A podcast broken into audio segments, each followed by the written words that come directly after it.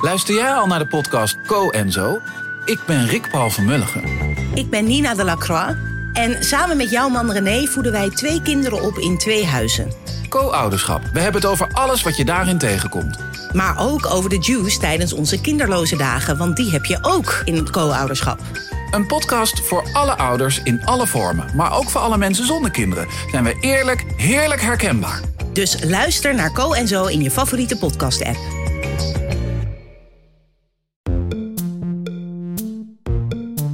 Fijn dat je luistert naar Boeken FM, de literaire podcast van de Groene Amsterdammer en Das Mag.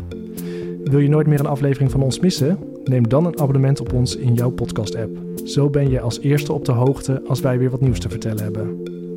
Wij doen ook vreugdedansjes als we een mooie recensie of gouden sterren van jullie krijgen in jouw podcast-app.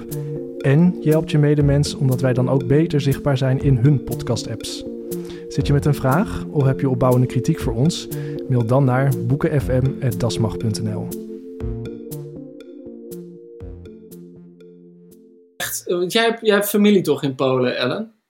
Ja, ik ben er heel vaak geweest. Ja, Dick, Dick echt van Fiets klinkt ook een beetje, een beetje alsof het uit die kant komt. Nee, ja, het, het, het, het is naar het Poolse dorpje Dukwic, maar... ehm, eh, eh, ja, grap met DUCK. Ik hoop ooit Ja. in het Donald Duck te komen als de Dukster der Vaderlands. Grote ambitie van mij. Olga Tokarczuk. Voor velen was zij een onbekende toen zij in 2019 de Nobelprijs voor de literatuur van 2018 kreeg toegewezen. Door al het gedoe binnen de Zweedse Academie werden er in 2019 maar liefst twee Nobelprijzen uitgereikt. Die van 2019 voor Peter Handke en 2018 dus voor de Poolse Olga Tokarczuk. Jaag je ploeg over de botten van de doden is een boek uit 2009 en nu voor het eerst vertaald uit het Pools door Charlotte Pothuizen en Dirk Zelstra. Een briljant literair moordmysterie volgens de Chicago Tribune. Een roman over de bijzonder excentrieke 60-jarige Janina. Zij woont in een afgelegen Zuidpools dorp, waar de ene na de andere dorpsbewoner dood wordt gevonden. Onder verdachte omstandigheden wel te verstaan.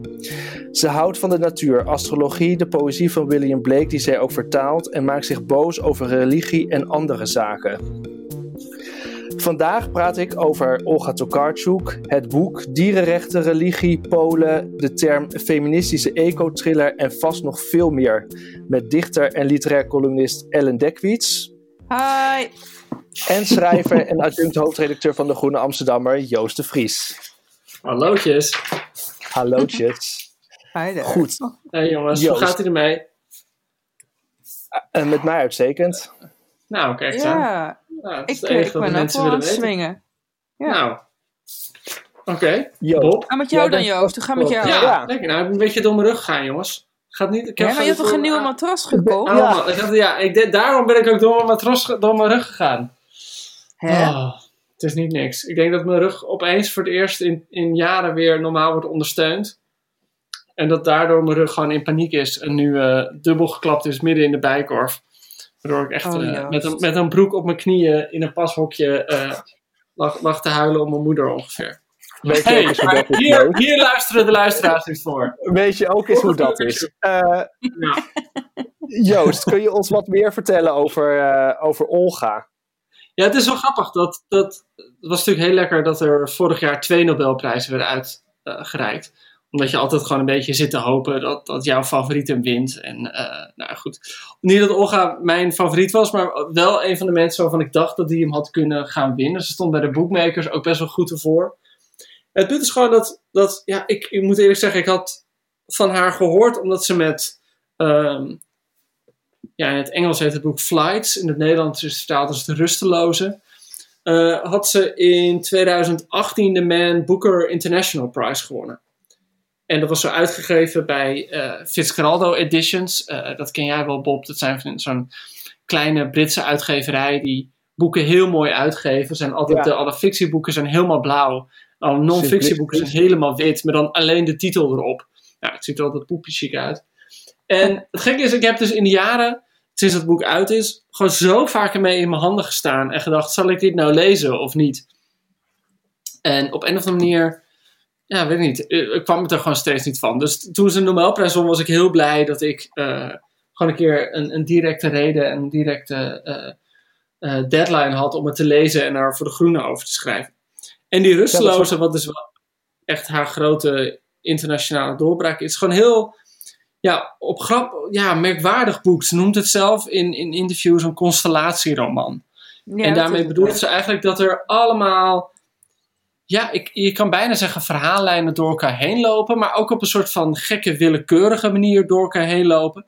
Dus de rusteloze vertelt bijvoorbeeld het verhaal van een, anato- een Nederlandse anatomist, die in de 17e eeuw, ehm wiens been wordt geamputeerd in de 17e eeuw. En volgens gaat hij zelf allemaal tekeningen maken van het been, van zijn eigen afgehakte been. En kijken hoe werkt dat been nou. En zo ontdekt hij, eh, Philip Verheijen heet hij, zo ontdekte hij de Achilleshiel. En het, wordt een verhaal verteld van een eh, ja, Noord-Afrikaan in de 18e eeuw, die eerst tot slaaf wordt gemaakt en dan hoveling wordt aan het Oostenrijkse Hof. En dan na zijn dood eh, tot curiosum wordt gemaakt en opgezet wordt en rondreist door Europa. Het is het verhaal van eh, de zus van Chopin, die met het hart van Chopin in een potje van Parijs naar Warschau teruggaat. Ehm, en er is een heel, heel spannend verhaal van ik erin zitten over een man die op een Kroatisch eilandje is. eh, met zijn vrouwtje, met zijn, vrouwtje, sorry, met zijn zoontje. Jezus. Ik, het ging even mis. Met zijn vrouw en zijn zoontje, wilde ik zeggen. Eh, die ineens spoorloos verdwijnen op een eiland dat zo klein is dat je er eigenlijk niet op kan verdwijnen. En die verhalen lopen allemaal een soort van heel. eh, ja, echt alsof ze gewoon door elkaar heen gestrooid zijn, bijna. En het gekke is, ze gaan er allemaal eigenlijk over mensen die in transit zijn. Reizen. allemaal, ja, Ja. allemaal Ja. mensen die reizen, die niet op de plek zijn waar ze horen zijn. Eh, ook niet vaak niet, niet zelf onder controle hebben waar ze naartoe gaan. En ja, ik vond het een heel gek en maar ook inspirerend boek. Er zat een hele fijne dynamiek in.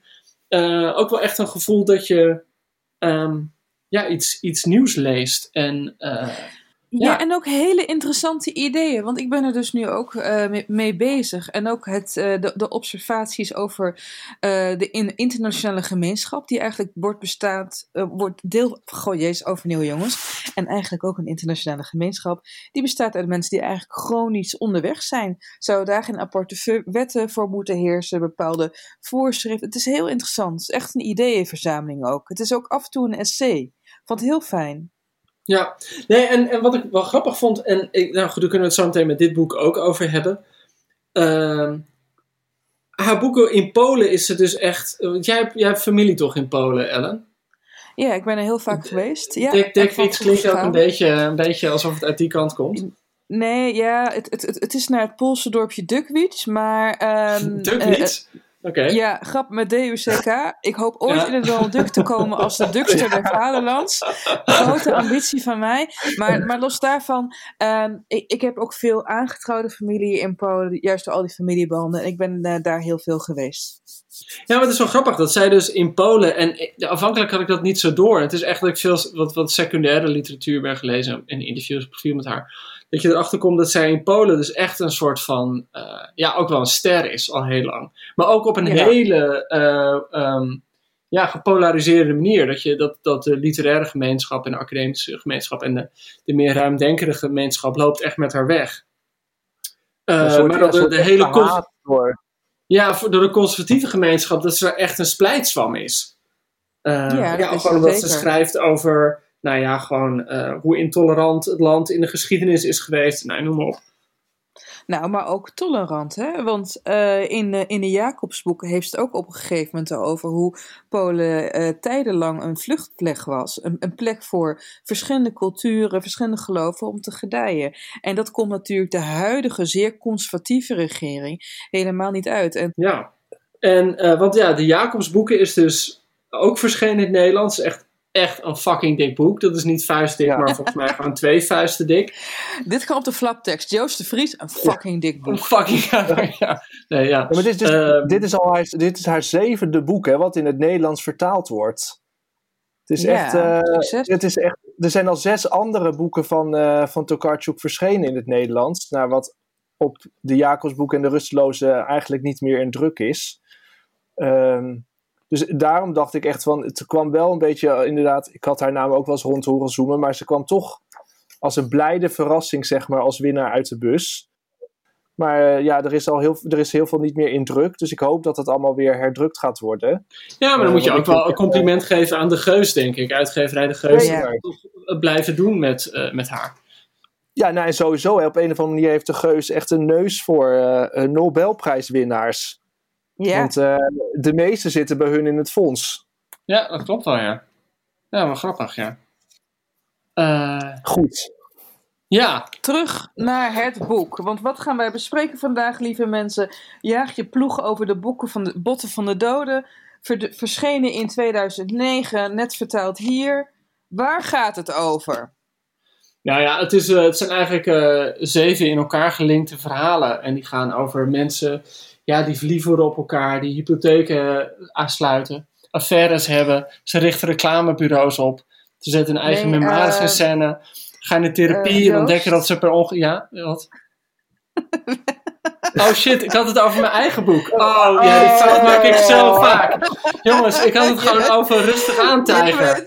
Bent de kerstverse verhalenbundel. Joost, het komt er dus echt niet in, hè? Vind ik dus dames echt en heel erg. Heel... Oké. Ja, ja, rustig aan, Ellen. Overnieuw. Of zoals ik zeg, dus- rustig dus. aan, tijger. Ja, Joost, ik weet niet of we hier nog op moeten reageren. Nee, ik denk dat alles al gezegd is. Overnieuw. Dus we hebben hier een roman die is aangekondigd. Eh, nou, de- het boek heet Jaag je ploeg over de botten van de doden. En het is eh, onder meer een eco-thriller, een feminisme-thriller genoemd. En eh, ja, weet je, als je dit boek gaat lezen, dan zijn de verwachtingen eigenlijk... Ik weet niet of jullie dat hadden, mannen. Maar mijn verwachtingen waren natuurlijk hoog gespannen. Ik wist natuurlijk ook al van mijn Poolse familie, maar ook... ik heb aan het wereldkampioenschap Poetry Slam in 2012 een hele je buk nou- Poolse dichters als Oh mijn god. ja, dat is een ding. En Ja. eh, ik heb daar een paar hele leuke dichters ontmoet. Ik ben daarna ook vaak bij hen langs geweest in Warschau. En eh, die, die, die had hier ook al over haar. En eh, die waren zo enthousiast. Dus ik had eigenlijk al te veel verwachtingen toen ik dit, boek opensloeg. Ken je dat? Ik dacht van, oh jemie, nee. Dit, dit is een moedje. Dit, dit, dit- weet je wel, zak over het hoofd en doorlezen. Maar... eh, en ik moet zeggen dat de, de flaptekst ook niet echt me motiveerde om eh, snel te gaan beginnen. Want wat is er, aan is gebeurd? Het is een moordmysterie. Eh, Bob zei het al net, een, een pintere 60-jarige met een paar obscure hobby's. Dus bijvoorbeeld fanatiek astrologe.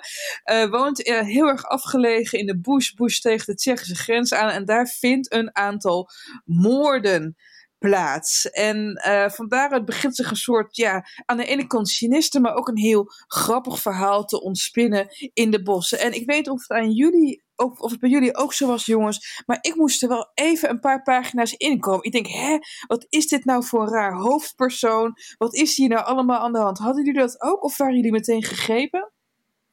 Ja, het, het, het is natuurlijk, je hebt meteen het gevoel dat er zeg maar een, eh, ja, hoe zeg je dat? Een heel groot personage aan het woord komt. Ze heeft meteen, vanaf het eerste bladzijde, heeft ze een soort van eigen taal. Dat allemaal woorden worden met een hoofdletter geschreven. Eh, weet je wel, nacht en eh, zon en eh, dieren. En ze heeft voor alle haar buren, het gaat over een vrouw die inderdaad is een dorpje aan. Voor alle buren heeft ze bijnamen die ook gewoon consequent met hun bijnaam worden aangeduid. Eh, Wat dus voor over- bijnamen dan? grootvoet en teefje Dikbuik. en eunje en gewoon, ja, de- gewoon dat soort dingen. Eh, dus, dus ik ben het helemaal, ik, een paar, de eerste 25 pagina's moest ik er even inkomen of zo. En het gekke is dat ik er toen wel ook helemaal heel makkelijk, verrassend makkelijk in meeging. Maar op, wer- op welk moment werden jullie gepakt dan? Waar, waar ging, had, was je gewend aan stijl en, eh, en dacht je, nou zit ik er lekker in? Nou, eigenlijk zat ik er wel meteen in. In die zin dat het begint gewoon meteen met een moord. En ik wil dan gewoon meteen weten wie het gedaan heeft. Eh, dus het begint met. eh, de eerste zin is trouwens een heel goede, dan weet je al genoeg. Het begint zo. Ik ben al op zo'n leeftijd en er bovendien zo aan toe dat ik voor het eerst, voordat ik voor het slapen, altijd goed mijn voeten hoor te wassen. Voor het geval s'nachts de ambulance me moet komen halen. En gewoon dus vanaf de eerste zin weet je van oké, wat bedoelt ze dat ze er zo aan toe is dat ze er voeten hoort te wassen omdat de ambulance kan komen. Dus je weet meteen van oké, dit is iemand die iets raars heeft. En ik denk dat, dat de kunst van het boek is dat er gewoon zo lang mogelijk wordt opgeschort hoe raar ze nou precies is. Ja, en, en, en, maar da- daar moet je op een gegeven moment wel even voor vallen. En dat kostte bij mij toch wel een aantal pagina's. Ik dacht dat ik na een stuk of 50 begon door te krijgen van oké, dit is een heel onbetrouwbare verteller die zichzelf tegelijkertijd enorm wel en enorm niet serieus neemt. En uh, toen drong het, het absurde van me door. Want dit is dus iemand, uh, er vindt in het plekje waar ze wonen een aantal moorden plaats. En uh, zij biedt de politie eigenlijk hulp aan door aan te bieden om, een, om hun horoscopen te trekken. Zodat ze kan kijken wiens, wie, wiens, wie, wie de volgende dode is, et cetera, et cetera. En dan staan er terzijde zoals dit, en dat vertelt ze dan over zichzelf. Ik had in al die jaren 1042 geboortedata verzameld en 999 sterfdata. En ik ging nog steeds door met mijn kleine onderzoek. Een project zonder EU-subsidie aan de keukentafel. En dat soort gekkigheid en dat soort uh, ja, vechten tegen de bierkaai, daar staat dit boek eigenlijk helemaal bol van. En uh, wat ik zo ontzettend leuk vind, vrij snel in deze roman maakt zij het onderscheid tussen de nuttigen en uh, de nuttelozen. En de nuttigen, dat zijn natuurlijk de mensen in, uh, in, die in het nieuwe Polen, weet je wel, het Polen dat lid is van de EU, uh, de broek aan hebben. Dus de kerk, de politie, de, de, de mannen in de bloei van hun leven. En de nuttelozen zijn eigenlijk zij en haar vrienden, dus de teruggetrokkenen, de kever-experts, de vertalers, de, de, de, de oudere vrouwen die nergens meer toe dienen. En um, dat, stelt, dat stelt zij op een gegeven moment ook heel erg op scherp. Want de politie begint fouten te maken in het onderzoek.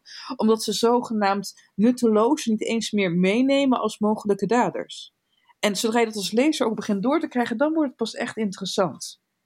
Ja, want zij is vertaler. Zij vertaalt William Blake. Die titel, die bizarre titel van, van het boek. Is, ja, en, en daarom gebruiken ze ook die rare hoofdletters. Want uh, William Blake, uh, Engels dichter, 18e eeuw, die uh, schreef ook van alles met een hoofdletter. De woorden, de vooral de zelfstandig naamwoorden zoals leven of de dood. Die hij dan echt heel belangrijk vond. Nou, dan neemt ze van hem over. Ja, nee, en, en je begint door te krijgen dat zij woont inderdaad een beetje buiten het dorpje. Hoewel het dorpje volgens mij ook maar tien huizen zijn of zo. En een postkantoor. Ja. En uh, met nog een aantal andere mensen die er allemaal inderdaad voor gekozen hebben om een beetje buiten de maatschappij te leven. En, maar waar ik wel benieuwd naar ben, uh, hoe, hoe trokken jullie die astrologie? Want er zaten af en toe echt passages in dat ze gewoon. Eerst dacht ik van neemt ze me nou in de zijk? Want er zaten soms passages in dat ze gewoon een bladzijde lang over. Ja, gewoon astrologie, astrologie begon te oreren. Dat ik echt denk van verzint ze dit nou? Of is dit precies hoe nou, dit werkt? Nee, de grap is. Ik heb dus een tijd lang uh, in een huis gewoond met een, iemand die astrologie studeerde. Dat kan ook, hè? Via zo'n zo, zo, zo, zo postcursus was dat weliswaar. Maar uh, het klopt uh, aardig goed. Dat was het, en ik vond het tegelijkertijd ook heel, een heel grappig spanningsveld. Want deze hoofdpersoon, Janina, die is aan de ene kant er helemaal van overtuigd dat het leven en ons lot vast ligt. Hè? Van A tot Z, van geboortedatum tot stervensuur.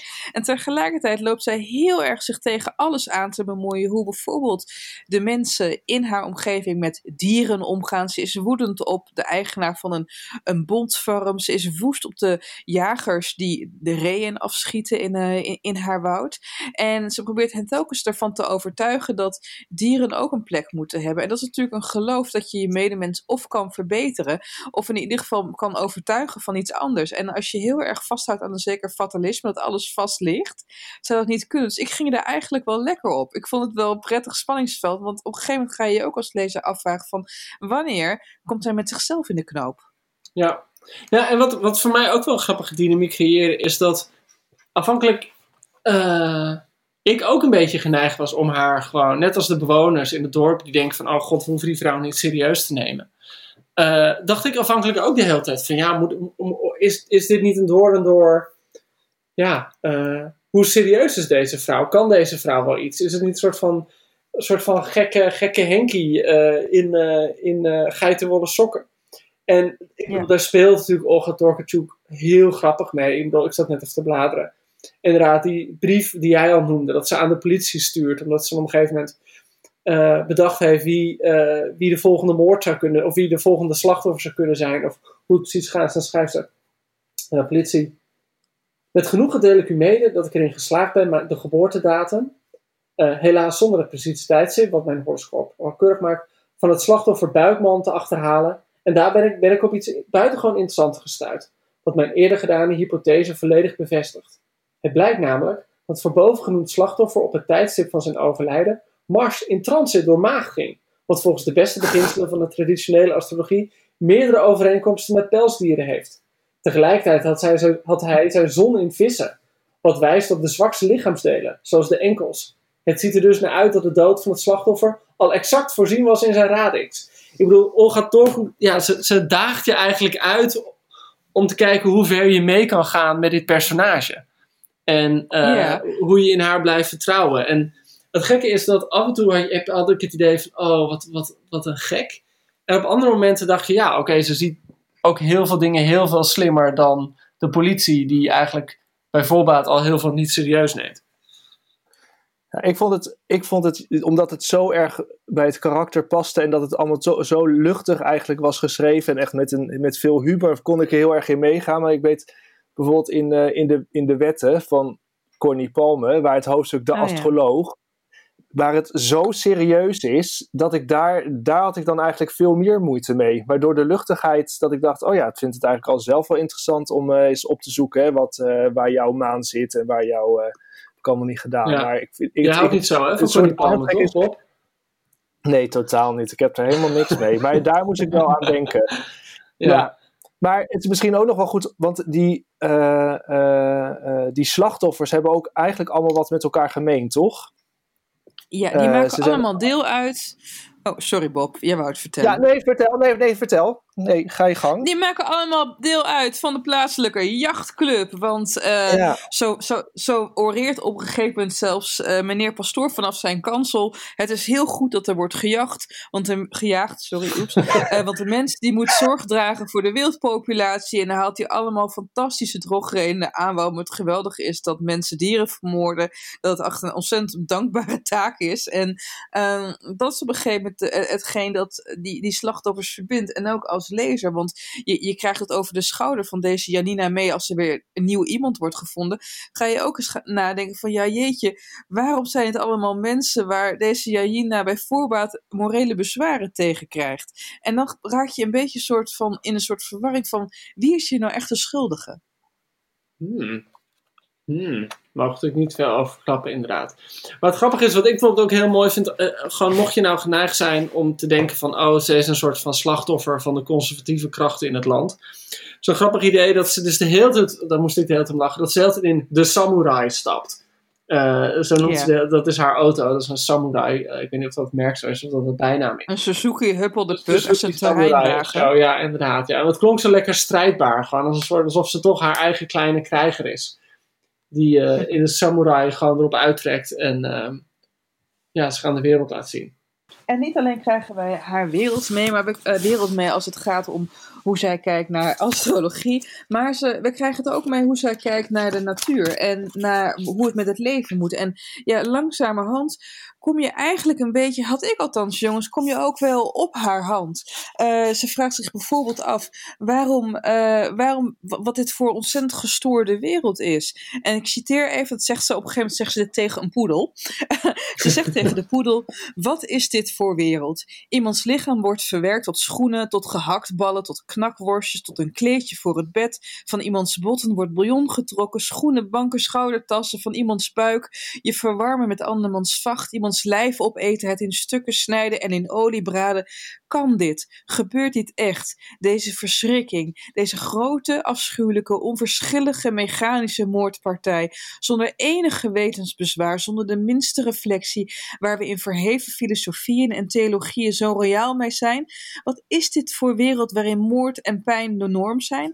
En dat zet je inderdaad aan het denken. Niet alleen waarom je er zelf, of je nou vegetariër bent of niet, en mee akkoord gaat dat het altijd al zo is geweest. Maar ook omdat het de vinger legt op een andere, toch wat in dit licht hypocriete pijler van de Poolse samenleving. En dat is namelijk de katholieke kerk. Op een gegeven moment uh, zit uh, deze Janina dan ook tijdens een kerkdienst. Waar, uh, zo zegt ze dan, ja, ik wilde wel het een en ander tegen de preek inbrengen. Maar toen begon de priester zo hard te zingen dat ik er niet meer tussendoor kwam. dat soort geestige terzijde. Daar staat het boek ook helemaal bol van.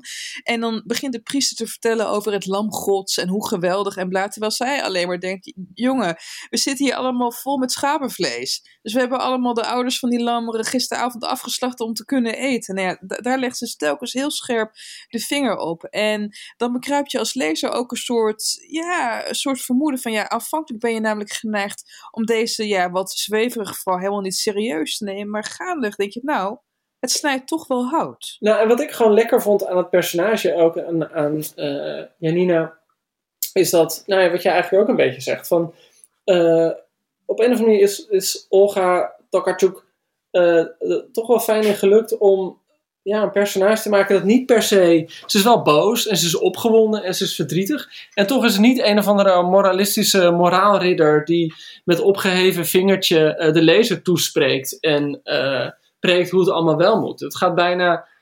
Dat wereldbeeld is zo vanzelfsprekend in dat personage ingevoerd dat je gewoon niet anders kan dan het maar als, ja, als vanzelfsprekend meekrijgt. Ja, ik vond het heel fijn ik werken. Wou, ik wou eens even wat aan jullie vragen, jongens. Want kijk, de structuur van dit, deze roman is eigenlijk anders dan de romans die wij normaal hier bespreken. Hè? Dit, is echt, dit heeft een beetje de vorm van een moordmysterie. Hè? Je vraagt Ja. je toch de hele tijd af.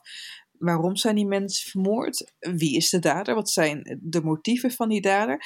En eh, ik merk zelf, als ik dat soort boeken lees, dat ik aanvankelijk een beetje argwanend ben. En, want het plot kan namelijk de lokwortel zijn, waardoor je als lezer een slecht verhaal ingetrokken kan worden. Simpelweg omdat je al weet, net zoals met de boeken van Dan Brown, van ja, oké, kut geschreven, maar hoe loopt het nou af?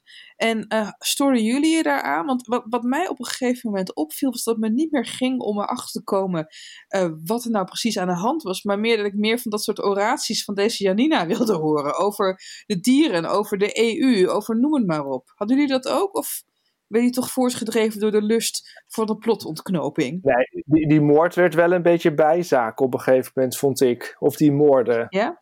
Ik denk wel, ja, en ik, dat, ik had, moet altijd ook wel af en toe het idee dat je, uh, dat je een soort uh, um, Midsummer Murders in boekvorm, weet je, dat het op een gegeven moment, dat, Ja. dat is, hè, het begint dan ook met een moord, maar uiteindelijk gaat het heel erg over zo'n dorp en de plaatjes en hè, wat, uh, wat er allemaal verteld wordt. En het gaat, oh ja, uiteindelijk denk je, oh ja, er was ook nog een lijk. En dat had ik heel erg ook heel erg. Dus het is zo, uh, de maatschappijkritiek, het, uh, je, leert, hè, je leert dingen over Polen, je, de, je bent toch nieuwsgierig hè, van hoe zit dat, hoe machtig is die kerk, um, wat, is, wat heeft dit voor gevolgen voor mensen die echt zo denken hè, in Polen, van het dit personage die roept maar van alles. Maar ik denk dat als je het in Polen echt roept, dat je dan, uh, dat je dan echt niet uh, uh, blij moet zijn als je opgepakt ja, wordt. Want, of weet ik Bob, hoe zit het met jou? Want jij hebt een goede Poolse vriend. Iemand ja. die het, haar, haar ook kent, heb ik begrepen? Ja, ja, ja, ja. Hij, hij, heeft, hij is literatuurwetenschapper en hij doet onderzoeken aan de universiteit in Gdansk. Dus in die hebben ze elkaar ah. een keer ontmoet. Ja, en Gdansk is wel, het is echt een beetje zo'n zo'n vrijplaats in, uh, in Polen. Alle uh, homo's en zo van Polen, die wonen vooral daar. Het is een hele links vrije stad. Ja, dat, dat, vertelt hij mij dan. en dus ja, daar was alle homo's van Polen. Dat klinkt echt als een soort apenhul. Wat de fuck, ja. Ja, nou ja, weet je, de, zoals ze in Frankrijk massaal naar Parijs trekken of hier toch wel naar Amsterdam, gaan ze daar niet naar Warschau, maar naar Amsterdam. ja. en het is heel erg. Hij was zo blij dat, de, dat deze stem uh, erkend werd met die Nobelprijs, zodat uh, ook. Hè, want het, is ook, het betekent ook dat, je, uh, dat andere landen of andere mensen haar boeken dan toch gaan lezen. En dat ook zo'n beeld naar buiten komt van Polen. Er is ook een andere kant, zeg maar. Want wij horen natuurlijk alleen maar uh, nou ja, wat de regering nou weer heeft uitgespookt. Even, even voor de niet-EU-geïnteresseerden. Wat je bedoelt is dat ze dus rechters aan het ontslaan zijn aan de lopende ja. band. Trollenlegers uh, op juristen aan het afsturen ja. zijn. Hè? Ik bedoel, uh, de, de, ja. De Poolse rechtsstaat, uh, lieve luisteraars, as we speak, is uh, aan het kreunen. Ze hebben dus ook, ik geloof 16 mei, een soort noodverordening afgeroepen, waardoor ze de verkiezingen hebben uitgesteld. Het is uh, een bende. De rechtsstaat staat op instorten. Ja, en, nou, dus, en dus is het voor de mensen die aan de andere kant staan, hè, de, de progressievelingen, is het ook heel erg, nou, toch wel politiek gezien belangrijk dat zo'n zo'n stem ook in het buitenland echt wel gehoord wordt. En dat, en dat vond ik eigenlijk interessanter aan het boek dan uh, uh, nou ja, die paar lijken, zeg maar. Nou, maar het is natuurlijk gewoon uiteindelijk de, de beste combinatie. In de zin dat eh, al, je hebt een heel zweverig personage, om het even zo te zeggen, die met hele concrete feiten eh, geconfronteerd wordt. En eh, al, al, waar, al was er denk ik niet die, die soort van formule van moorden, een dader en het moet opgelost worden. Dan was het denk ik heel moeilijk om een, om een eh, eh, tot het einde boeiende roman over eh, deze Janina te schrijven, wat mij betreft. Dus volgens mij is dit echt een, het perfecte personage voor deze vorm van een roman.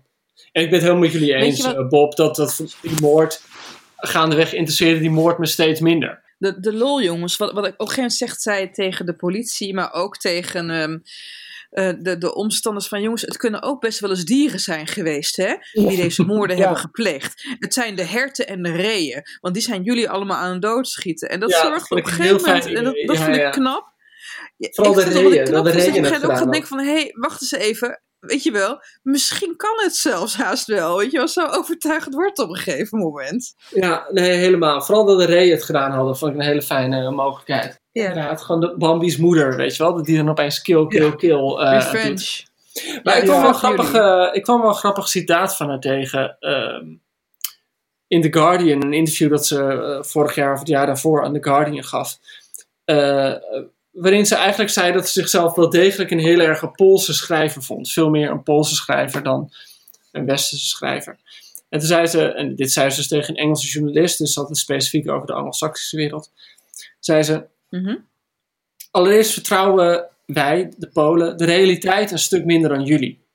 Wanneer ik Engelse romans lees, geniet ik ervan hoezeer er zonder angst wordt geschreven over kwetsbare psychologische elementen. In die vorm kun je een heel verhaal op een lineaire manier vertellen. Maar wij in Polen hebben dat geduld niet. Voor ons klopt zoiets niet, omdat onze geschiedenis nooit lineair is geweest. Daarnaast is het Westen geworteld in een psychoanalytische benadering van het zelf, terwijl wij nog steeds over onszelf denken op een mythische, re- religieuze manier. En ik weet niet, dat vond ik een hele grappige, grappige eh, analyse. Dat als je het even zo te zien, is het idee dat het Westen, of Engeland dan in ieder geval Groot-Brittannië, is gewoon een rijk geweest, dat steeds groter is gegroeid en toen weer is gekrimp, gekrompen. Terwijl Polen gewoon een land is dat gewoon, ja, volgens mij vier keer is opgeheven. Gewoon eerst door de, door de Sovjet-Unie, Ja, door eh, Pruisen, door eh Nazi-Duitsland. Het is wel een land dat de hele tijd bestaat en dan opeens niet meer bestaat. Eigenlijk En hoe bestaat kijk het pas sinds 1990 of zo. Ja, eigenlijk Voor wel. Lange bedoel, tijd. Ja, nee, en je hebt het Koninkrijk Polen gehad. Nou, dat is weer bloedig Ja. onderdrukt. Eh, noem maar op. Dus eh, wat dat betreft vind ik het wel grappig dat ze met haar boeken ook wil laten zien dat, eh, ja, dat Polen eigenlijk niet een soort van één geschiedenis heeft. Maar dat het altijd gewoon een soort van horten en stoten zijn geweest. En daarom is zij ook een eh, omstreden figuur, zeker bij eh, de conservatieve facties in, in Polen. Dat is ook een van de redenen dat zij doodsbedreigingen krijgt. Haar uitgeverij heeft ook een tijd lang beveiliging Ja, dat ingeschakeld was het, ja. omdat ze ja. haar veiligheid niet konden, eh, konden garanderen. Maar het is inderdaad, Polen is ook, dat, dat, dat zie ik ook bij mijn eigen familie, ehm, de, de mensen in het westen zijn heel anders dan de mensen in het oosten. Het is ontzettend gefragmenteerd en juist in dat soort samenlevingen ehm, kan, kunnen, kunnen, kunnen politieke partijen die zeggen: ja, er is maar één nazistaat, er is maar één dit, er is maar dit is typisch Pools, weet je wel, die in de Ja, identiteit ja. van buitenaf bieden. Dat lijkt een ogenschijnlijke houvast. En dat is een van de redenen, denk ik, waarom die conservatieve partijen het ook zo ontzettend goed eh, hebben gedaan. En ook, dat schrijft Torkatje ook ergens anders, eh, wij zijn ook een land met een heel groot gat. Want eh, voor de Tweede Wereldoorlog 10% van alle Joden wereldwijd woonden in Polen. Nou ja, we weten allemaal wat, eh, wat er daarmee gebeurd is. En eh, zowel het ontbreken van een nationaal narratief, eh, als het ontbreken van een plotseling van een hele bevolkingsgroep, dat, dat missen, weet je wel, die, die onvolledigheid, dat zie je ook in, in haar werk terug. Je, proeft als het ware dat er ook om bepaalde gaten wordt heen gecirkeld. Ja, misschien is dat wel goed om eh, straks even over verder te praten. Dat is wel interessant, maar ik denk dat het ook goed is om even eh, een paar vragen te doen. Oh, Want in de vorige vragen? aflevering Hmm. hebben we die... Bobby? Vraag, gedaan. Ja, Zijn er weer mensen die gemaild hebben hoe geweldig ze Ellen vinden?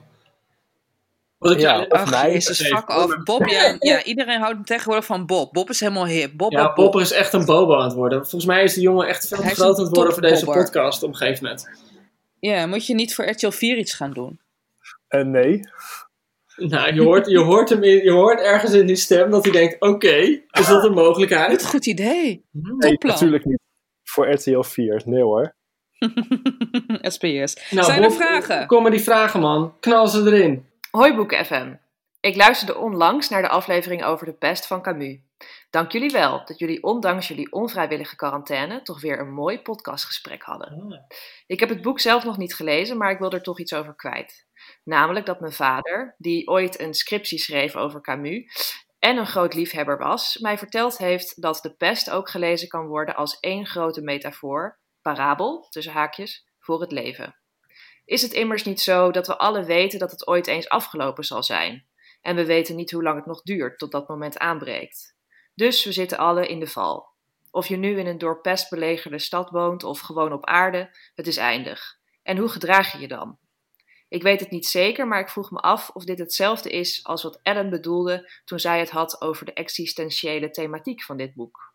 Veel leesgroeten en ga zo door. Ella. Hey Ella, toffe naam. Eh, ja, en, en met existentiële bedoel ik, natuurlijk, bedoel ik natuurlijk niet existentialistische. Nee, maar dat is het precies. En ik denk eigenlijk dat eh, eh, al, alle betere literatuur daar ook om draait. Want het is natuurlijk te gek voor woorden dat we maar een beetje erop losleven. En elke ochtend weer monter uit ons bed stappen. Terwijl we tegelijkertijd hartstikke sterfelijk zijn. Ik vind het een hele mooie duiding van je pa. Jongens? Ja, nee, en, en dit is volgens mij wat Camus bedoelde als hij het over het absurde had. En uh, daar bedoelt hij mee dat we leven met het absurde gegeven dat we allemaal doodgaan. Dus als je heel hard werkt en je leven je best doet om je leven succesvoller te maken, met al die moeite die je verricht, ga je uiteindelijk maar één kant op. En dat is naar de dood toe. Dus hoe zorg je ervoor dat wat je doet, ja, dat wat maar op één manier kan aflopen, toch betekenis krijgt?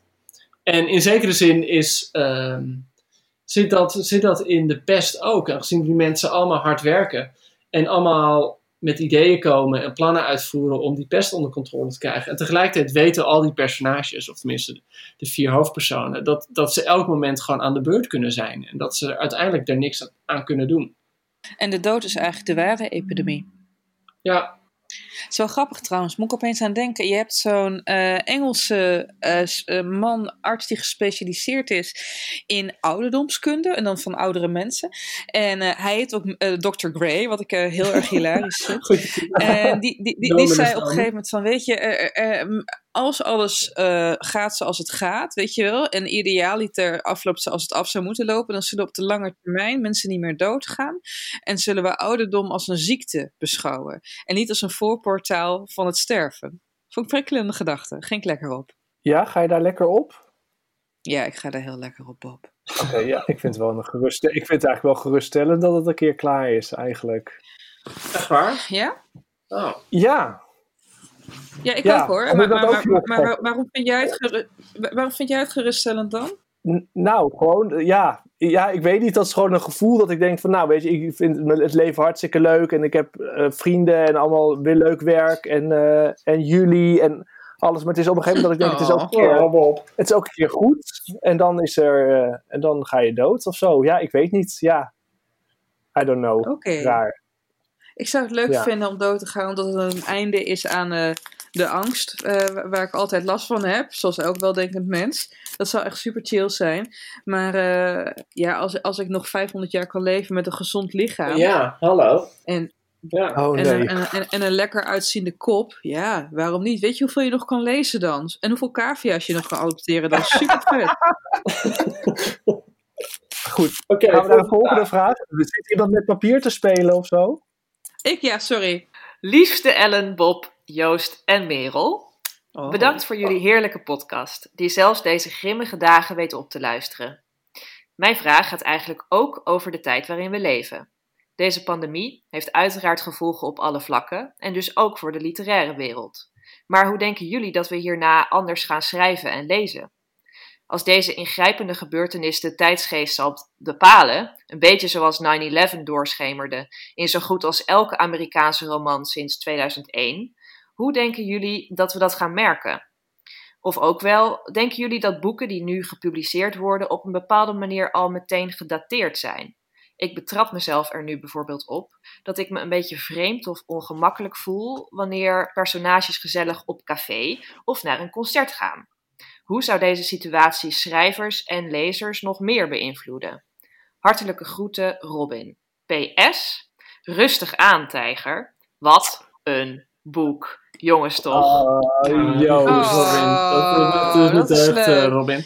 Maar het grappige is, met over, over rustig gesproken. Ik bedoel, ik heb me beloofd eh, Oh, niet, jezus. niet te veel over mijn eigen boeken te hebben. maar het grappige is dat Nu al ook klaar. Nu al uitkwam in de eerste week van april. En eh, een van de eerste, interv- ja, gewoon het eerste interview dat ik had op de radio, eh, zei Patrick Lodiers van, oh, je hebt een historische roman geschreven. En het was natuurlijk geen roman, Oh. maar. Maar zo voelt het bijna wel. Van, je schrijft gewoon over een wereld waarvan je denkt, oh, dit is gewoon onze wereld. En op het moment dat het boek gedrukt is, eh, is het al op een bepaalde manier een wereld die nu gewoon opgeschort is. En waarvan je je afvraagt hoe die weer terugkomt. Ik ben heel benieuwd, ja, ik heb ook niet een pasklaar antwoord op, hoe dat nu de fictie gaat veranderen.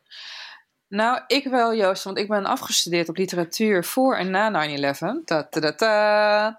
En eh, je ziet altijd wanneer er een grote eh, een- ramp plaatsvindt, hè, een, een, een, een, een ramp met de omvang van eh, nou ja, een, een mondiale ramp, dan zie je een aantal directe neigingen. Allereerst heb je alle schrijvers die zeggen, we gaan hier een boek over schrijven.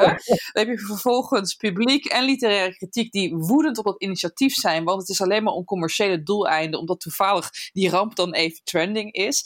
En tenslotte, met de loop der jaren schrijft niemand er uiteindelijk echt een boek over, maar verdwijnt het onderwerp een beetje naar de achtergrond.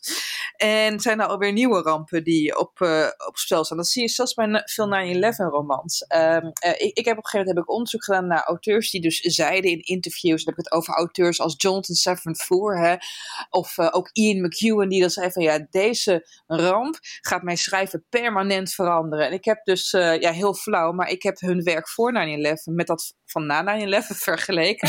Ja, En, ehm, wat, wat, wat, wat bleek nou? Ze, ze hadden nog steeds eh, dezelfde hang-ups in hun werk. Dus bij Jonathan Safran Foer het eh, deel uitmaken van de derde generatie immigranten.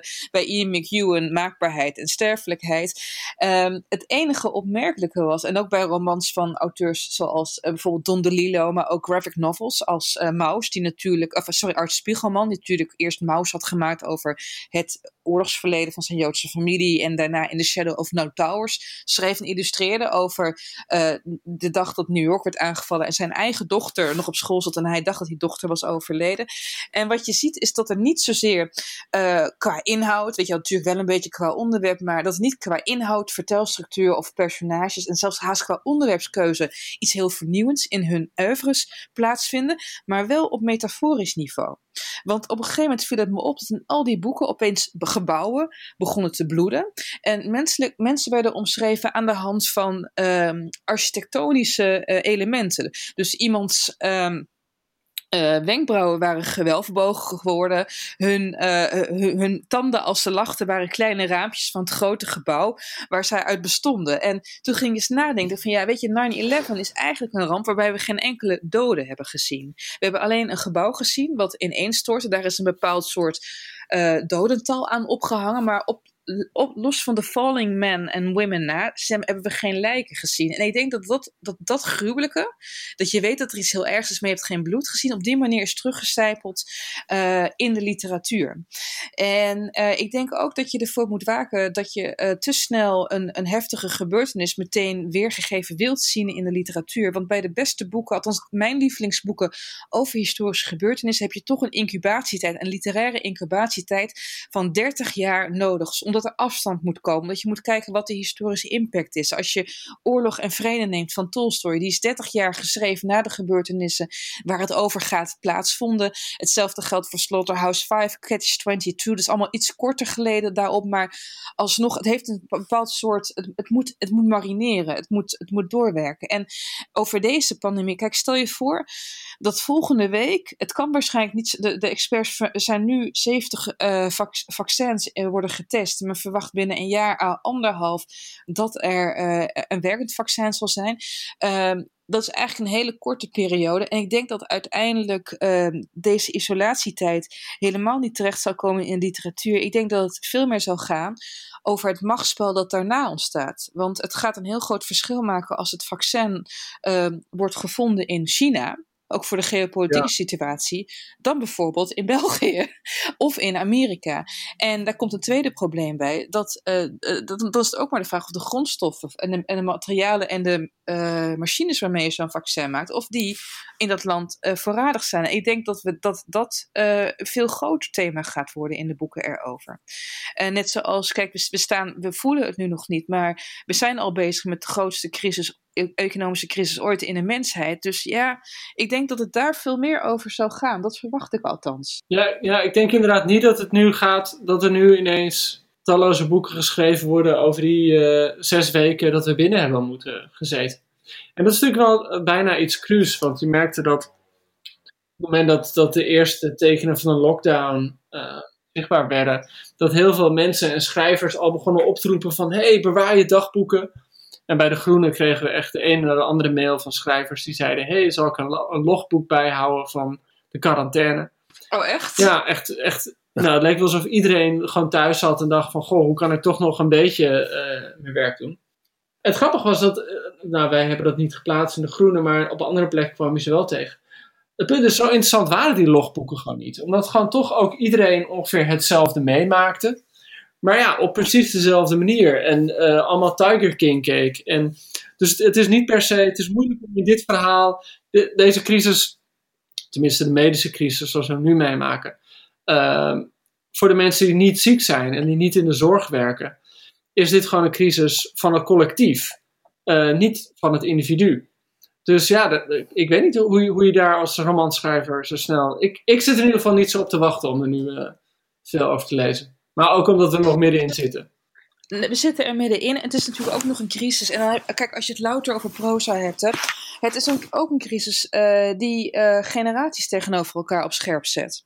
Want er zijn natuurlijk uh, jongeren die nu thuis blijven, die hun werk verliezen, et cetera, om de gezondheid van ouderen en de zwakkeren in de samenleving te kunnen garanderen. En ik denk dat daar later, kijk, kijk wat, wat, wat doe je als schrijver, als prozaïste althans? Je bent geïnteresseerd in machtsverhoudingen en je bent geïnteresseerd in de verschillen en de problemen die daardoor ontstaan tussen mensen. Nou ja, uh, straks zijn er enorme machts- want geldverhoudingen, want middelenverhoudingen. Dus ik denk dat het interessante literatuur gaat opleveren. Maar inderdaad, Joost, er is nog helemaal niet zo heel veel gebeurd en het gaat nog zoveel meer impact hebben dat het nu nog te vroeg is. De grap is echter wel, er zijn enorm veel corona-gedichten geschreven, hè? Ja, ja dat heb ik uh, meegemaakt, ja. Nou ja, ik was wel, uh, uh, Van der Heijden zou nu ongeveer, of over een maand, met een nieuw boek komen. dat is uitgesteld. Toen dacht ik wel gelijk, oh, hij wil deze crisis toch nog op een of andere manier in zijn boek gaan verwerken. Daar staat zijn werk natuurlijk best wel onbekend, dat er altijd hij ja, heeft een boek geschreven over de MH17. En, uh, dus... Ja. Nou ja, kijk, wat je natuurlijk wel krijgt bij AFTH, maar ook bij andere schrijvers. Kijk, ik bedoel, het is natuurlijk ook gewoon zo'n crisis. En dat, dat viel mij ook op met veel boeken over 11 september. Uh, dat ze eigenlijk gewoon gingen waar die schrijvers altijd over gingen. Alleen werd 11 september dan opeens gewoon een plotmechanisme. En dat kan je ja. met, met corona ook heel makkelijk doen. Ik bedoel, je kan heel fijn een, een, een, uh, een overspelroman schrijven over twee mensen met een, uh, een lekker geheime affaire. En volgens hoe moeten ze bij elkaar komen als er een lockdown is? Weet je wel? En dan gaat het dus eigenlijk niet over de lockdown, maar dan wordt die lockdown gewoon gebruikt om het over de liefde te hebben, over geheimen. Dus ik bedoel, ik, zie het absoluut wel roman terugkomen in allemaal verhalen. Of ik zie het absoluut corona terugkomen in allemaal romans. Maar dan denk ik eerder dat het een mechanisme is om het over andere dingen te hebben dan om het per se hierover te hebben. Ja, daar ben ik ook bang voor. Daar ben ik ook bang voor. Goed. Um, er was nog een vraag. Hoi Bob, Ellen en Joost. Ik luister met veel plezier naar jullie podcast en heb ook twee vragen voor jullie. 1. Ik ben erg geïnteresseerd in schaamte en heb laatst het prachtige boek van Ninja Weijers, Kamers Antikamers, gelezen, wat onder andere over schaamte gaat. Hebben jullie meer interessante boekentips over dit onderwerp? 2. Jullie zijn of kennen veel schrijvers. Hoe gaat het eraan toe in het hoofd van een schrijver? Ik zie voor me dat je overal waar je bent op zoek bent naar sprekende details of mooie metaforen en zinnen. Maar werkt het echt zo? Dank alvast. Groetjes, Jori. Ja. Eén uh, tip die Ja. ik je meteen kan geven, Jori. eh, als ik dan even een beetje eh, voor de eigen stal kan maken. Jorien. Jorien, met oh sorry, Jorien. Jorien. Jorien. Eh, eh, mijn collega bij de Groene Marja Pruis heeft in haar laatste essaybundel Ja. genoeg nu over mij echt een heel deel eh, verschillende essays over schaamte.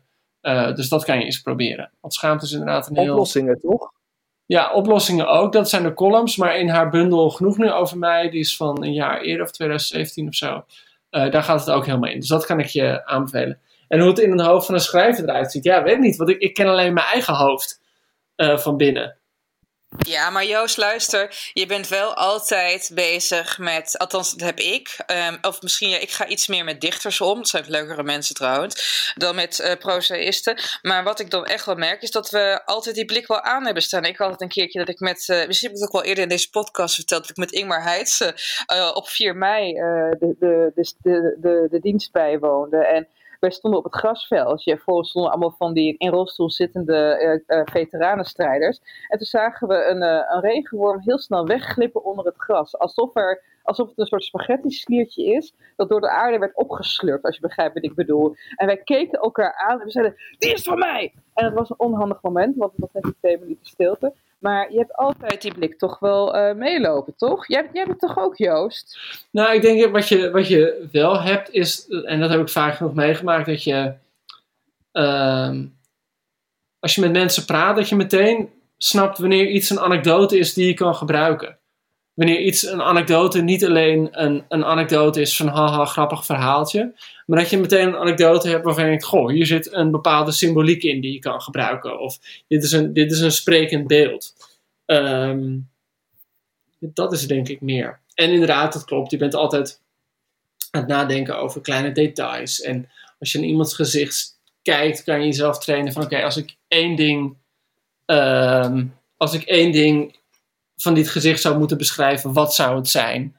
Ehm, je komt iemand binnenlopen en je denkt meteen van oké, die schoenen, als ik gewoon beschrijf hoe die schoenen eraan ziet, dan is dat het enige dat ik nog hoef te zeggen over dit persoon, want dan is hij helemaal duidelijk. Dus in die zin, ja, dat, dat, dat leer je wel. En dat, dat zit er denk ik gewoon wel in. Eh, nou Jorien, eh, ja, een ander boek eh, over schaamte is, ja, daar hebben wij ook al eerder een podcast over gemaakt. Normal People, van Sally Rooney. Hè? Jongens, weten jullie ja, dat nog? ik weet het nog. Daar heb je een, een een, een, hoofd... Wordt er een tv-serie van die, is, gemaakt? die is nu te zien. Ik heb hem nog niet gezien hoor, maar er is Oh. wel echt een, een twaalfdelige serie van gemaakt, gek genoeg. Twaalf ja, delen? Tien, nee, tien of Oh. twaalf delen, terwijl het toch best wel een dun boek is. Jezus. Maar Ja. Ja, shemig. Want het boekje, dat boekje is wat, jongens? Eh, 265 pagina's ja, of zoiets? eh, Ja, goed. pagina. Ja. Interesting. Maar schaamte, schaamte voor erbij willen horen, schaamte voor dat je geliefde afwijkt van de rest, wordt daar toch wel, vind ik best wel Ja. meeslepend eh, in beschreven. Dus dat vond ik eh, Ja, best wel knap. Ja, jongens. En eh, verder, schaamte. Ja, je hebt in Gloed van Sander Marai. Het gaat over twee boezemvrienden Oh, ja. die naar dezelfde militaire academie gaan. En een van de twee, die is gewoon rijk. En de ander is gewoon arm. Die hele familie van hem heeft echt krom moeten liggen om zijn studie te kunnen betalen. En hij ervaart dus ook constante gêne daarover. Niet alleen dat hij afdankertjes draagt, maar ook omdat eh, hij er is, omdat andere mensen enorme offers hebben moeten brengen. Dus dat is ook sowieso, is, vind ik Gloed, een prachtig boek. Dus dat zou ik ook nog eh, aanraden. Hey, en jij Bob, als eh, kampioen boekverkoper, wat, wat, wat, wat, denk jij nou? Ja, ik moest ook wel gelijk aan, aan, aan Marja Pruis denken. Maar ik moet ook denken aan het boek Schittering van Margaret Massantini. Wat heel erg eh, gaat over eh, twee eh, jongens die bij elkaar in het appartementencomplex wonen. De ene jongen is heel rijk, woont in het penthouse, kan allemaal niet genoeg. En de andere jongen woont in de basement, is de zoon van de, eh, van de conciërge. Ehm, en op het moment dat ze in het begin van het boek zien, komen ze elkaar, ze zitten ook bij elkaar op school, maar ze komen elkaar tegen in de lift. En vanaf dat moment is het, zijn ze heel erg verliefd en is het allemaal heel heftig. Maar ze komen ook uit die Italiaanse macho-cultuur. Eh, de ene stinkend rijk, de andere is eigenlijk heel arm. Dus er is constant een worsteling met, hè, met hun eigen schaamte van dat ze eigenlijk verliefd op elkaar zijn, maar dat het niet mag. Dat ze uit verschillende milieus komen. Dus dat het, dat, dat een extra belemmering is. En dan, nou, het is echt een fantastisch mooi ontroerend boek. Uh, dus daar moest ik aan denken. Ja, en natuurlijk ook uh, uh, On Earth We Are Briefly Gorgeous, waar ik gewoon yeah. ook als lezer een hoop herkenbare schaamte bij, bij kwam kijken. Ja, ja, en eigenlijk weet je, kijk, ik wil kijk, uh, frustratie uh, over incompleet zijn, want dat is natuurlijk ook, ja. uh, dat, dat, kan heel veel schaamte veroorzaken. Dat is natuurlijk een van de kernen van de wereldliteratuur. Hè? Als je kijkt naar de scène van moeder en vader Bennett voor hun armoede en het feit dat ze ja. hun vijf dochters daardoor moeilijk aan de man kunnen brengen, tot en met Anna Karenina, waarin iedereen zegt van jullie zijn verkeerd bezig en dan zeggen Vronsky en Karenina zelf van ja, maar het voelt zo goed. Weet je wel, ja. het is, het is is, het is eigenlijk een kernding. Maar ik denk dat inderdaad deze boeken die we nu noemen, dat toch wel aardig in zit. Ja, nou, die. Hoera, fijn man. ja, oh ja, nog eentje. Dat is ook wel een, nog een, een, meteen een link terug naar uh, eigenlijk Olga Tokarczuk. Dat is net wat ik net gelezen heb. Dit is Swimming in the Dark van een, ook een Poolse schrijver, uh, Thomas Jedrowski. Het doet mm -hmm. eigenlijk heel erg denken aan uh, Call Me By Your Name gewoon een, jonge student die met iemand die eigenlijk hoger in de rang zit, waar ze verliefd op elkaar worden. Maar het speelt zich af in Polen net na de Tweede Wereldoorlog, dus met de komst van het communisme. Dus het is ook heel erg politiek en alles, dat land is zo kapot en zo verscheurd, dat die liefde eigenlijk alleen maar onmogelijker wordt. En dat vond ik wel heel erg indrukwekkend eraan. En dat is dat ook wel die schaamte van, hè, van de politieke statements, van hè, oorlogsverleden ja of nee. En uh, toch ook hè, als je 16 bent, is schaamte toch iets waar je uh, dag in dag uit uh, veel mee te maken hebt, denk ik zo. Ja. dus ja. dat was ook nog wel een tip. Nou, tof. Gaan wij terug naar Tokarczuk. Tokarczuk. Ik had eigenlijk nog één vraag voor jullie, want op de achternaam, achterkant wordt het dan een feministische eco-thriller genoemd. Um, ja, wat is een eco-thriller eigenlijk? Is dat gewoon. Ja, en is het feministisch? Wat, wat maakt het feministisch? Nee, is het feministisch? Kijk, zij, zij, neemt het in het boek niet alleen op voor vrouwen of gelijke rechten voor vrouwen, maar voor gelijke rechten voor alle onderdrukten. En je ziet wel duidelijk in dit boek dat er mensen zijn die aan de verliezende kant zitten in een reactionair Polen, waarin uh, de kerk alles bepalend is voor de mores. En dat zijn, ja, wat, zij dan de vrijdenkers noemt, de, de eenzame, degene die niet per se een groot gezin willen stichten. Um, dus ja, feministisch nee. Uh, humanistisch, uh, dat zeker. En ook um, het. De, de, ook, het is ook ja, niet zozeer een eco-thriller, want kijk, bij een eco-thriller ja. denk ik meteen aan een soort uh, Uncharted 4, waarbij ze dan, uh, weet je wel, ja, olievaten proberen kapot te schieten en zo. Ja. Slagerijen op, opblazen, ja. Ja, ja, precies, precies. um, uh, ecoterreur, weet je wel, dieren, uh, dierenrechtenactivisme, terreur, dat zit er absoluut niet in. Uh, maar er zit wel scherpe kritiek in, ook op de bondindustrie. En op, op alles wat ook maar een beetje riekt naar groepsgedrag en groepsdwang.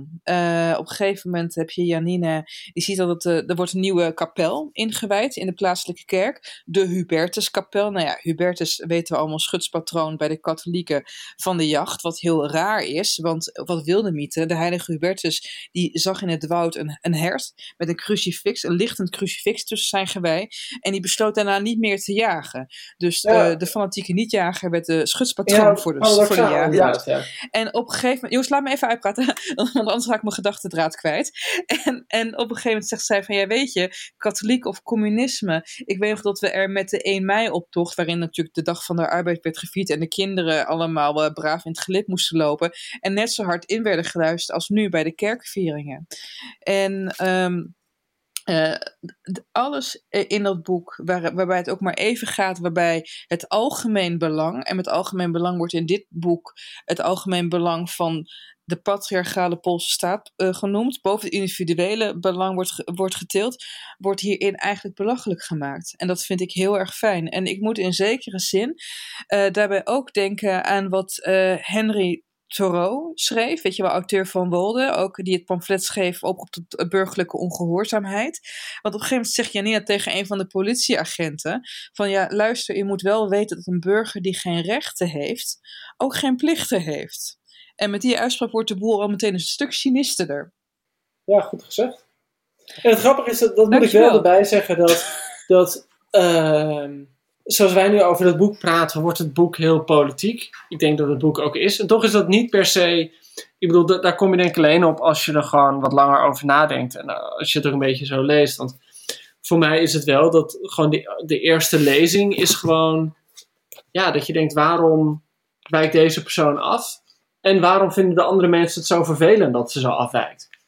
En dat is natuurlijk een, politiek thema, maar het is ook gewoon een menselijk thema. Het is niet zo dat het. Ehm, ja. Ja, en het toont ook heel grappig hoe het leven en de afzondering is. Want uh, kijk, je moet je voorstellen, het is echt zo'n kleine gemeenschap daar. Iedereen kent elkaar. De tandarts die houdt praktijk op straat. Uh, ons kent ons. Geruchten gaan heel erg snel. En er zitten ook hele grappige dingen in die je aanvankelijk als een soort van absurd uitstapje ziet, maar die later best wel bepalend zijn, ook voor de plot van het verhaal. Bijvoorbeeld uh, Janina, die heeft een crush, Eunjer, weet je wel, dat is dan de, haar grote, stoere, mannelijke buurman die totaal geen interesse in haar heeft. En uh, die blijkt dan penningmeester te zijn van de plaatselijke boletenzoekvereniging. dus dan gaat zij op een gegeven moment ook maar mee naar het paddenstoelenfeest dat ze dan jaarlijks houden. En dan moeten ze verkleed. En dan gaat zij als de wolf. En dan weet ze hem. Dat was het enige moment dat ik het echt. Weet je dat voor mij het boek wel echt over de schreef ging. Dan gaat hij verkleed als uh, rood kapje. en hij is dan wel de ster van de avond, maar het is met tegenzin. En kijk, en dat soort uh, observaties zitten er ook in. En waar ze wel heel goed in slaagt, is telkens wat zogenaamd typisch Pools is. En daarmee bedoel ik gewoon Pools zoals dat nu vanuit de regering wordt gedragen van wat is het ideaal. Dat geeft telkens wel een rotschop. Uh, niet voor niets is het zo dat uh, ze juist voor de betere vertaalde literatuur elke keer even over de grens scheiden naar Tsjechië. Omdat daar echt de betere boekhandels zitten. En ook, dat zijn allemaal van die kleine lullige details, dat zodra ze de grens over zijn, de wegen een stuk beter verhard zijn, zodat ja. hun auto niet meer zo rammelt. Nou, wat, wat ik bijvoorbeeld ook zo'n goed detail vind, is het uh, Janina Duzhenko, zeg je denk ik. Duzhenko. Yeah. En uh, mensen vragen steeds wat haar naam is. En die spreken het dan verkeerd uit. En uh, het, is, het is bijna, ik weet niet of haar naam dan gepolificeerd wordt, als je het zo zegt, of gerussificeerd. Maar het is ook alsof haar naam, gewoon puur hoe ze heet, al de hele tijd niet klopt voor de mensen. En ik bedoel, je naam is natuurlijk gewoon het meest persoonlijke oh, dat je hebt. En zelfs daarin wordt ze eigenlijk de hele tijd duidelijk gemaakt van het klopt niet, je klopt niet, je klopt niet. Ja, precies, precies. En daarom, en kijk, namen hebben sowieso een bijzondere betekenis in het boek. Want al vrij in het begin zegt Janina zelf ook van ja, ik vind het gewoon belangrijk om dingen zelf mijn eigen naam, te, uh, mijn eigen naam aan hem te geven. Dus daarom ja. heet ze heet, uh, dik, Dikbuik Dikbuik. Weet je wel, ze wil dat de naam overlapt met wat de persoon in essentie is. Ze wil de wereld van binnenuit uh, betekenis toekennen, in plaats dat ze de van buitenaf opgelegde betekenis klakkeloos accepteert. En zelfs dus op dat kleine niveau zit al het verzet wat echt kenmerkend is voor ja. dit personage. Ja, het is eigenlijk een verzetsroman als je het zo ziet. Misschien is dat een term die beter was zeker, gepast ja. dan, uh, dan um, eco-thriller. Het is gewoon een verzetsroman. Nou, ook en, en een hilarische roman. Kijk, we weten, ja. de vaste luisteraar van deze serie weten dat ik heel erg waardering heb voor lol in boeken. Maar ik moest af en toe zo lachen, joh. Echt, de smileys zijn in mijn kantlijnen niet meer te tellen, joh. Op een gegeven moment gaat, dan woont ze ook zo'n uh, zo'n mis bij. En dan gaat die uh, hoge priester, of sorry, sorry, meneer pastoor, die gaat er vertellen hoe goed de jagers bezig zijn. En dan brult zij op een gegeven moment van, ja, en kom nou maar even van die kansel af, gast. Nou, ik ging helemaal stil. Ja, ik gek ook. Ik zit, maar dat, dat probeer ik net te zeggen. Ik ben de hele tijd bang dat we te serieus over het boek praten, te zwaar. Want ik moest er gewoon heel vaak om lachen. En ja. ik ging gewoon helemaal ja. mee met uh, ja. dit personage. In, in haar gekte en haar gewoon totaal autonome, uh, vrije manier van naar de wereld kijken. En in de wereld staan, want ze is echt compromisloos. Ja, helemaal. Ja. Komen we dan zo bij een eindoordeel, Bob? Ja, zo, uh, ja, ik dacht gaan we gaan afronden. Voor mij hebben we het boek behoorlijk goed besproken. Uh, hebben jullie een blurb? Hebben jullie een cijfer? Cijfer. Altijd leuk. Uh, een blurb niet, maar die heeft Joost. Oh shit, ja. Ik voel me nu ja. opeens verplicht om, de, om een hele slechte blurb uh, te verzinnen. Um, iets met, met jaag je boek over de botten van de lezers. Want het is een heerlijk boek. Jaag je blik over de boeken van Tokarczuk. Ja, oeh, ja, sterk, zoiets. Ja. Oh ja. Ja? En jullie En, cijfer? eh, 9. Ik geef een 8,2. Kut, Joost. Maar het gaat geef, alleen om het eh, moeilijker voor Ellen te maken het gemiddelde te berekenen.